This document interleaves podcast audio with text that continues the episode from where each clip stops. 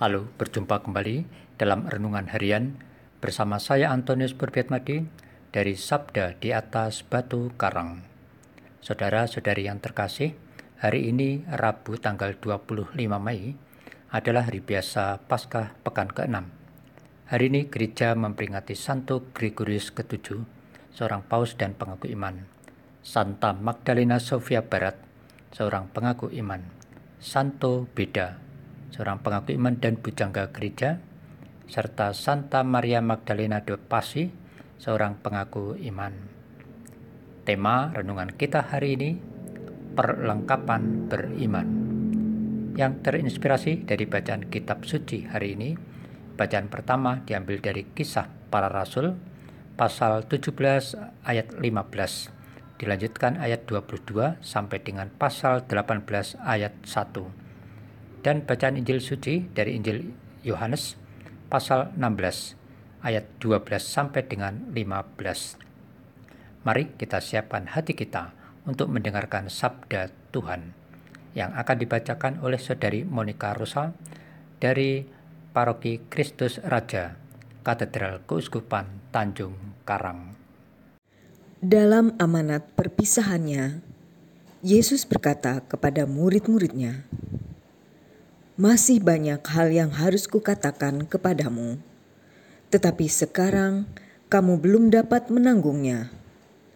Tetapi apabila Ia datang, yaitu Roh kebenaran, Ia akan memimpin kamu ke dalam seluruh kebenaran, sebab Ia tidak akan berkata-kata dari dirinya." tetapi segala sesuatu yang didengarnya, itulah yang akan dikatakannya, dan ia akan memberitakan kepadamu hal-hal yang akan datang. Ia akan memuliakan aku, sebab ia akan memberitakan kepadamu apa yang dia terima daripadaku.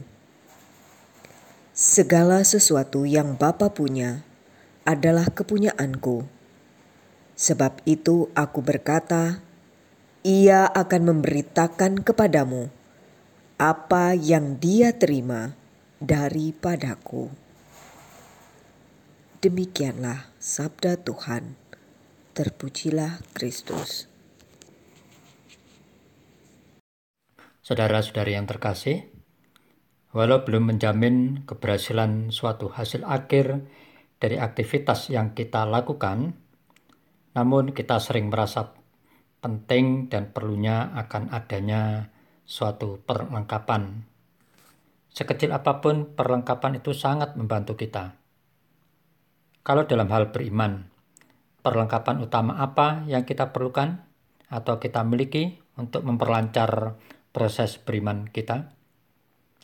Saudara-saudari yang terkasih, dalam bacaan Injil pada hari ini, Yesus memberikan pengajaran kepada para muridnya untuk perlunya memiliki perlengkapan bagi tugas perutusan yang kelak akan mereka jalani.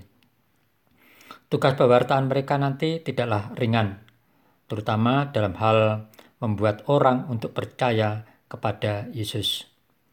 Mewartakan tentang Yesus adalah mewartakan tentang seluruh kebenaran hidupnya agar para murid mampu untuk menjalankan tugas pewartaan itu, Yesus menjanjikan roh kebenaran bagi mereka. Roh kebenaran itu adalah roh yang diberikan oleh Allah melalui diri Yesus kepada para muridnya untuk memimpin mereka agar hidup mereka dilingkupi dengan kebenaran hidup Kristus sendiri.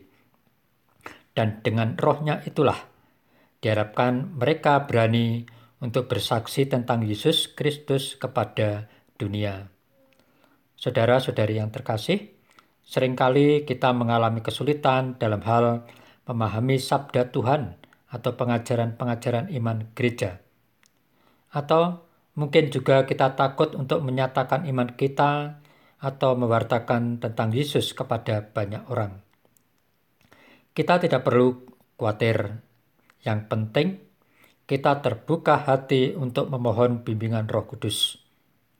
Kita perlu bimbingan Roh Kudus, yakni roh kebenaran yang membuka mata iman dan memimpin kita ke dalam seluruh hidup dalam kebenaran hidup ilahi. Kita percaya bahwa Roh Kudus itu memang perlengkapan iman kita yang bekerja dalam diri kita untuk membetulkan kita dari kesalahan dan menuntun kita kepada jalan kebenaran hidup beriman.